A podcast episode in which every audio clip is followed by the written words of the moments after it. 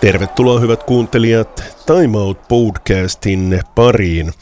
Tässä podcastissa käydään läpi ajankohtaisia urheiluutisia ja studiossa ovat Radio Vaasan Anssi Marttinen ja Vaasabladetin Juuna Nyström. Juuna, tervetuloa. Tack ska du ha. Mennään ensimmäisenä Arvo kisa jääkiekkoon U18 pitäisikö sanoa nyt naiset, ettei loukkaa ketään tyttöjä. Ne he minun mielestäni vielä ovat, mutta pääsivät pronssipeliin, mutta siellä sitten Kanada löylytti 8-1 lukemin. Tsekki yllätti ja nousi hopeelle, eli siellä on mahdollisuuksia nousta jopa loppuotteluun, mutta kyllähän Yhdysvallat ja Kanada kaiken kaikkiaan ovat aika vahvoilla tuolla naisten puolella. Sekä aikuisissa että tuolla tytöissä. Ja, ja, vi hade ju Finland hade ju sin chans damerna på i hemma-VM här men man, vi minns kanske hur det gick i förlängningen mm. där med intressanta domslut och, och nu hade ju kanske U18 sin chans och man tänker just att första semifinalen i lördags var ju Kanada mot Tjeckien och Tjeckien skräll där så Finland spelade mot USA sen, okej okay, de var ganska utspelade det var mycket skott mot mål där. Och, men det finns ju alltid en chans och eh, man kan ju bara spekulera att om Finland skulle på något vis kunna snyta USA, att hur skulle jag gått sen skulle jag bli VM-guld till och med. Hei, sitten mennään tänne Suomeen ja liigaan. Sport voitti vihdoin ja viimein HPK, mutta sitten todella harmittava tappio Ilvekselle. 2-3 lukemia ja Sport yritti tulittaa joka suunnasta, mutta maalivahtiin ei löytynyt sitten reikiä, eli tappio valitettavasti tuli. Joo, man får nog konstatera att nu Sport spelar ju bättre än Ilves mm. i lördags, helt klart. Och de vann skotten och går helt överlägset där och delvis förstås beroende på bland annat ett långt powerplay. Men Jakub Malek där i målet var nog helt omöjlig och Och sen var ju också här att Axel Holmström blev ju då utsatt för, för tacklingen som ledde till matchstraff för Ola Palve och spelade inte med sen. Missade nästan två hela perioder så det märktes på slutet att Sports, de här toppspelarna var lite trött och sliten efter en lång vecka så kanske det bästa gnistan inte fanns något med till kvitteringen. Keskiviikkona pelataan sitten kuuden pisteen vai pitäisikö sanoa jopa kymmenen pisteen ottelu, koska vastassa on S ja kun katson tuota sarjataulukkoa, niin tällä hetkellä siellä on TPS 57 pistettä, S 56, Sport 54, KK 53, HPK 51 ja näinhän se oli, että S on nyt sillä viimeisellä pudotuspeli paikalla tällä hetkellä. Kaksi pistettä eroa, voitto koti oltaisi taas edellä, nämä on tosi tiukkoja nämä, nämä väännöt ja sitten voisi sanoa kyllä, että viikon muukkiottelut perjantaina Saipa kotona pitäisi ehdottomasti voittaa ja sitten tulee se sun suosima juttu, eli kun pelataan kotona Saipaa vastaan, niin sitten lähdetäänkin lauantaina Mikkeliin. Joo, ei nu på pappret klart tuffast matchen är ju Jukurit borta då på lördag. Jukurit har spelat bra och så är det ju förstås att MM är veckans sista, är en ganska lång resa. Jag har själv kört till, till Sankt Mikkel på match. Det är mycket skog man ska stirra på där på vägen. Men absolut, S1 nu. Tre poäng, jätteviktigt. Saipa så får inte tappa poäng mot inte som det ser ut med Saipa. Inte skulle vara helt katastrof. Så men vi får väl vara nöjd på det viset att de är sex poängen förra veckan nu så Sport lever ännu i kampen och, och nu är vi ju halvvägs in i januari så att det verkar ju som att, att de tänker hänga med loppet ut åtminstone i striden om en, en sån här så kallad särlig player i plats. Mm, toivotaan näin, että voittoja tulee tällä viikolla vaikkapa kolme kappaletta, niin nostaisi vähän paremmille sijoille. Hei, sit puhutaan Jypistä. Alkukaudella me puhuttiin, että Saipa on liikan murheenkryyni, mutta kyllähän nyt näyttää siltä, että Jypin osalta tulee jatkuvasti uutisia, jotka on todella hämmentäviä. Esimerkiksi nyt luen tässä juuri päivän aamulehteä, niin täällä lukee otsikossa, että Sami Niku jättämässä Jypin tapparauttelu alla ja siellähän kävi niin, että Jypin päävalmentaja Mikko Heiskanen on heittänyt Nikun vilttiin kesken kotiottelua perjantaina ja sitten kertoo, että et ole kokoonpanos lauantaina. Tosin sitten valmentaja väitti ihan toista, eli sanoi, että tästä äh, ikävästä perhetapahtumasta, eli suru-uutisia on kuulunut Nikun lähisuvusta, niin Jyp sitten oli tällä perustelu, että Niku ei pelannut. Kaikenlaista saattaa tapahtua, mutta kyllä Jyp on nyt jotenkin ainakin siellä johdon puolella niin sählännyt oikein kunnolla. Ja, är ju tydligt det att då det kommer så det motstridiga uppgifter hit och dit så tyder det på att det är helt sekasin där och, och det här skulle ju bli djup säsong. De firar väl 100-årsjubileum i år om jag förstår rätt och och de har satsat på truppen, de ganska namnstarkt lagar de haft och de gick ju in i säsongen med Rautakorpi Nemo. Alltså Jukka Rautakorpi och Ville Nieminen som coachpar och, och så det vidare och, och sen så föll allting i bitar och de sparkade tränaren och, och det verkar ju vara väldigt i obalans allting som sker i Jyväskylä och till och med inne i omklädningsrummet så... Tuli mieleen se, että Jyp antoi kenkää Rautakorpi Nieminen kaksikolle. Tulee vähän se Myrrä-tapaus mieleen. Ilvesän, oliko ykkösenä vai kakkosena, kun Myrrä sai aikoinaan kenkää ja nytkin Jyp taisi olla neljäntenä. Toki siinä oli ollut tappioita, mutta muistaakseni neljäntenä, kun Rautakorpi ja Nieminen joutui lähteä. Eli aika erikoisia potkuja. Että onko siellä sitten johdon ja valmentajien välillä ollut jotain skismaa, koska nyt luen tästä aamulehden jutusta, että kokeneet pelaajat tukivat päävalmentaja Jukka Rautakorpea. Ja, och han är ju, knackar ju på tusen grundseriematcher i ligan som tränare. Han hann väl inte riktigt dit nu då. Och är väl lite det klassiska nog att man kan tänka sig att det är väl lite gamla skolans filosofier där och de spelarna som är uppväxt med så de, de är trygga och van med det. Men sen då har du yngre spelare talanger då som kanske inte passar in i samma schablon så att det kan ju bli det kan ju bli trögt då. Men på något vis så känns det ju ändå som att, att det är klubbledningen här som ska bära hundhuvud att, att man klarar att hålla bättre ordning på en klubb som dessutom är mitt inne i ett jubileumsår och, och gör så här konstiga utspel i offentligheten så då, då är det nog där det ska kanske städas upp lite. Sitten puhutaan myöskin Ilveksestä, koska Ilveksestäkin oli iso juttu aamulehdessä ja siitä, että vielä sanotaan vuosi kaksi sitten Ilves oli tämmöinen mukava, iloinen yllättäjä, joka on noussut tuonne kärkipäähän ja nyt sitten kirjoitettiin siitä, että kun tulee pieniä tappioputkia, niin kannattajat ovat ottaneet sitten jopa pelaajia uhkailun alle. Ja nyt kun lueskelin tuolta muualtakin, niin jalkapallon puolella Vesa Mäki eli HJK urheilujohtaja on saanut samanlaisia uhkauksia. Tämähän on ihan järjetöntä, jos lähdetään näin hullun touhu. Onko tämä nyt pelkästään tämän somen syytä vai, vai onko aina ollut niin, että fanit on todella kiivaita? No har ju alltid funnits så det och så finns det ju alltid rötägg också som inte vet hur man kan bete sig och, och det var ju Antti Pennanen, Ilves coach, som berättade om det här efter lördagens match att det har kommit faktiskt dödshot till spelare och det ska komma hot till spelarnas familjer och det är ju helt, är ju helt sjukt. Att, att det kan spåra ur så det, men jag tror också lite nu som du säger att, att det, det här klimatet som finns på nätet, i sociala medier, folk förstår inte riktigt att man kan inte kläcka ur sig vad som helst och att det till och med kan bli alltså ett brottsfall av det. Att folk som har växt upp med fria, öppna internet så tror jag att man kan sprida vad som helst omkring sig, eller vissa tror det. Och då, då kan det spåra ur på det här viset.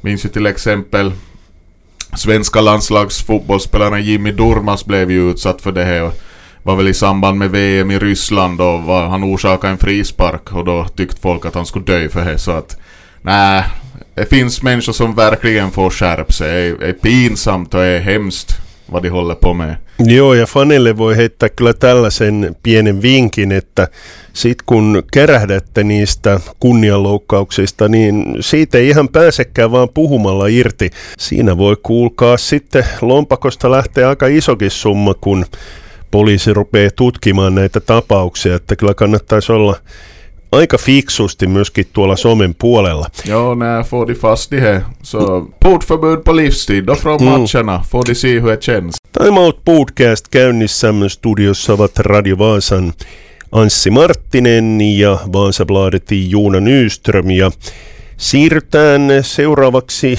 jalkapallon puolelle. Pari viikkoa vielä niin Liiga Cup alkaa, mutta lueskelin tuolta liigan sivulta iloisia uutisia. Me ollaan aina paljon puhuttu siitä, että kumpa me saatais Vaasaan Varsinkin Vaasan palloseura. Vaasa IFKstahan on noussut jo paljon maajoukkuetason pelaajia.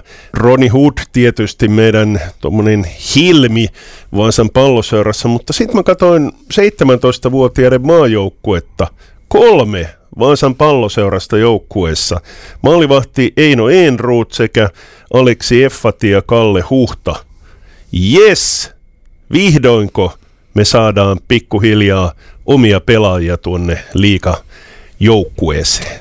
Ja, jag börjar väl kanske vända lite och, och jag vet inte, tycker vi har kanske pratat om här att VPS har gjort ett bra jobb med att bygga upp i juniorföreningen och, och ta in folk, ta in tränare och fortbildtränare så att det ska vara bra kvalitet och det ska finnas en så stringens i hela den här verksamheten och det är ju ett resultat av det så att det blir jätteintressant att se vem som blir nästa namn som börjar knacka på dörren nu då. Att det skrevs ju något kontrakt här och Kalle Huhta tror jag var en av dem som, som de åtminstone tror på också redan från representationslagets håll. Så jätteroligt och, och förstås ett tecken på att, att det, finns, det finns bra kraft i fotbollsmyllan här fortfarande. Sitten puhutaan lisää jalkapallosta. Veikkausliigan otteluohjelma, se nimittäin julkaistaan torstaina ja VPSn tahtohan on tietysti se, että perjantaina pelattaisiin mahdollisimman paljon otteluita. Pieni tauko siinä ainakin tulee, koska noita europelejä pelataan sitten torstaisi. Mielenkiintoista nähdä esimerkiksi milloin pelataan noin SJK-ottelut, sitten mikä tulee olemaan VPSn satavuotisjuhlaottelu? Mitä veikkaat? Onko se SJK vai HJK? Jag vet faktiskt inte hur de har tänkt till den här. Att det skulle ju vara, om man tänker på så det snabbt, spontant, att det perfekta 100-årsjubileumsmatchen skulle kunna till exempel passas in med Vasa Football Cup. Mm, kyllä. Då man kan få lite stöd därifrån och, och bjuda in så man får läktarna riktigt knökfull. Och ja, sen är ju frågan då vilket lag spelar man helst mot och vad är den optimala hemmamatchen för till jubileumet att SJK, ja, och HJK tycker jag är ett fullgott alternativ också så att jag, jag vet, jag har inte riktigt någon stark åsikt. Mm, joo, ei mullakaan, mutta sitten toisaalta, jos mä ajattelisin näin taloudellisesti, niin SJK ja HJK saattaa muutenkin täyttää stadionin, niin ehkä kannattaisi ottaa joku tuommoinen perinteinen joukkue. Voisiko olla vaikka Haka? Voisi olla semmoinen mielenkiintoinen satavuotis juhlaottelu vastustaja, koska uskon, että tohon otteluun sitten muutenkin, muutenkin tulee väkeä. Puhutaan vielä HJKsta, nimittäin se on hyvä lukea näitä Hesarin juttuja. Nythän HJKlla oli tiedotustilaisuus, jossa sitten kerrottiin, että Ossi Virta on tehnyt tuon päävalmentajan sopimuksen ja nyt sitten aika paljon on Vesa Mäestä kirjoitettu. Helsingin Sanomat kirjoittaa, että kahden eri lähteen mukaan Mäki oli tarjolla Kuopion palloseuran urheilutoimenjohtajaksi, kun hän oli joutunut lähtemään Turun Interistä, mutta Kups totesi, että turkulainen ei sovellu tähän tehtävään. Ja sitten hän on HJK tiedotteessa syyskuussa kertonut, että hän oli toiminut Interissä toimitusjohtajana ja Interin omistaja Alfons Håkans taas kertoo, että ei pidä paikkaansa. Eli jotenkin tuntuu siltä, että mitä enemmän Vesa Mäki puhuu, niin sitä enemmän hän joutuu ongelmiin. Ja, man brukar tala om att man pratar sig det, ver- det verkar ju helt klart så att Ja, är ju, är ju intressant alla de här, den här tränarcirkusen just att, att hur, hur, man har, hur man har fått det ställt till det då, att man har tagit in coacher som, som inte haft licens ännu. Visserligen så, så var ju med, med Jussi Nuorila i VPS och tills han ordnade sin licens. Så, och nu gick det ju bra där också nu sist och slutligen kan vi ju konstatera med facit i hand. Och, min del så tycker jag kanske en av de mest spännande grejerna är ju om de lyckas få första omgången i, i ligan nu då till bli en sån där full omgång. Så de sprider ut det på en och en halv vecka matcherna. Mm, näin toivotaan. Hei, tuosta Ossi Virrasta täytyy vielä puhua, joka on nyt sitten nostettu HJK päävalmentajaksi, niin hän teki erinomaista työtä tuolla Hakassa. Ja, och är väl han just som, som blev lite viral med det klippet då han stod och förklarade något nå spelupplägg i halvtid. Jag tror det var i någon Europamatch till och med. Så där, där tror jag nog det finns ett stort framtidsnamn och, och säkert som en riktig headcoach för HJK småningom. Puhutaan tietysti Keski-Pohjanmaankin joukkueesta. Mä en ole niin tarkkaan seurannut Jaron ja KPVn asioita, mutta sen katsoin, että heidän yksi tukipelaajista KPVstä, eli Harri Heijerman vuodenvaihteessa ilmoitti, että ei jatka KPV. Onko sulla tietoa siitä, että lopettaako hän vai jatkaako hän muualle vai? No, knappast tror jag han slutar inte. Han är ju som no, riktigt lastgammal spelare. Mm, olisiko hänestä liikapelaajaksi? Ah, han var ju nog bra i division 1, det får man väl säga. Men jag vet inte, håller han för ligan? Svårt att säga. Att, att om man tänker på nivå så, så försöker han då, skoja vara Jaro som skulle vara hans lag då, eller vart skulle han kunna fara. Men å andra sidan så verkar ju Jaros lag by, bygga ganska långt på väg, att de ser ut att få ihop som vanligt en ganska hemvävd trupp, men en, en tillräckligt bra trupp för till Klase. Tähän loppuun puhutaan sitten talviurheilusta, aloitetaan siitä hienosta asiasta, että Jenni Rautionaho palautti suomalaiset palkintopallille tuolla mäkihypyssä.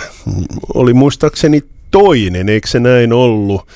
Joo, taisi olla näin. Ja sitten tietysti sanotaan vielä jääkiekon puolelta mukava uutinen, että Petteri Nummelin on valittu Hall of Fame. Mutta sitten puhutaan vielä tähän loppuun Fluorista. Ja nyt ei pestä hampaita, vaan pistetä fluoria tonne äh, suksien alle. Neljä suomalaishiihtäjää jäi nimittäin kiinni fluorivoiteista viikonloppuna Otepäässä. Ja kärryneet hiihtäjät olivat Lauri Lepistö, Rebekka Immonen, Anni Kaipainen ja Olli-Pekka Laitila. Ja kun mä lueskelin sitä juttua, niin aika uskomattomia selityksiä oli siitä, että oli suksi jäänyt viime vuodelta fluoria ja se vielä näkyi siellä. Mä heitän sulle tämmöisen todella rohkean väitteen, kun me mietittiin sitä alkukauden ongelmia, kun suomalaisilla ei suksi luistanut, niin oliko syynä se, että tosiaan saattoi olla ne hyvät parit fluorivoiteissa ja jouduttiin hiihtää huonoilla. Kyllähän tämä tuntuu vähän oudolta, että nyt kärähdetään. Onneksi ei dopingista, mutta nyt kuitenkin fluorista. Ja, no, min expertis gällande skidvallar räcker väl kanske inte så långt. Men, no ei mullakaan. men jag har nu svårt att tro på någon sån förklaring att, att det skulle som var från fjolåret då. Att jag menar slipar man inte de här skidorna och putsar dem och håller på att uh, vi är ju ändå i januari nu och då att det skulle vara från fjolåret fortfarande flå på några skidor när man far och tävlar. Ändå i en internationell tävling, om, en fisstävling om inte är på högsta nivå så ja, No täällä lukee esimerkiksi näin, että 20 kilometrin kisassa fluoriton voide kului sen verran, että pohjan huokosiin jääneet vanhat fluorit nousivat esiin. Voi herran jumala. Ja nää kasbortsidorna då. Joo, tuntuu kyllä oudolta. No, mielenkiintoista nyt sitten nähdä, että tuleeko näitä fluorikärryjä tässä kauden aikana lisää. Tuntuu vähän, että hmm, jotain hämärää tuossa oli. Totta, mitäs muuten? Onko jotain mielessä paikallisesta urheilurintamalta? Ja, nej, inte vet jag. Vi har väl gått igenom det mesta. Va? Om vi ännu tar på tal om Sami Niko och Djupsö, var en kaveri som skickade med här meddelande i morse direkt att ja, det ryktas ju nog att han ska till sport, men no. de här ryktena så vet mm. man ju mm. att man, man får ju kanske lite sal, ta med nypa salt faktiskt. Joo, mä vähän epäilen, että tuolla Sveitsissä esimerkiksi saattaa olla aika paljon rahaa, jota sitten heitetään kehiin, kun Sami Nikusta puhutaan. Mutta heitetään tämmöinen puolustajanimi kuin Oskari Manninen. Onko hänen tulevasta seurasta mitään tietoa? hän vuodenvaihteessa purki sopimuksen Tapparan kanssa. Joo, jag har faktiskt inte hört någonting där att, att helt okej okay, ligaback är han ju och, och att han har fått kontrakt med Tappara så tyder ju på, på att han kan hålla ganska bra nivå. Men jag har faktiskt jag har inte hört någonting om det händer att om man nu tänker på sport och återstoden av säsongen så just nu är det ju någon brist på backar på något vis. Mm. Att det mm. skulle kanske vara anfallet då Jens Löke kommer till vara bort fortfarande fler veckor som, som där eventuellt skulle behöva lite påfyllnad då. Så, så på det viset tror jag ju till exempel heller på det Niko-rykte så hårt. Mielenkiinnolla odotetaan Tässähän alkaa varmaan ihan lähiaikoina esimerkiksi Saipan puolelta tuo tyhjennysmyynti. Ja no, Jyphän voi tehdä ihan mitä tahansa. no he har lärt oss. Juuna Nyström, kiitoksia tästä juttutuokiosta. Takko hei.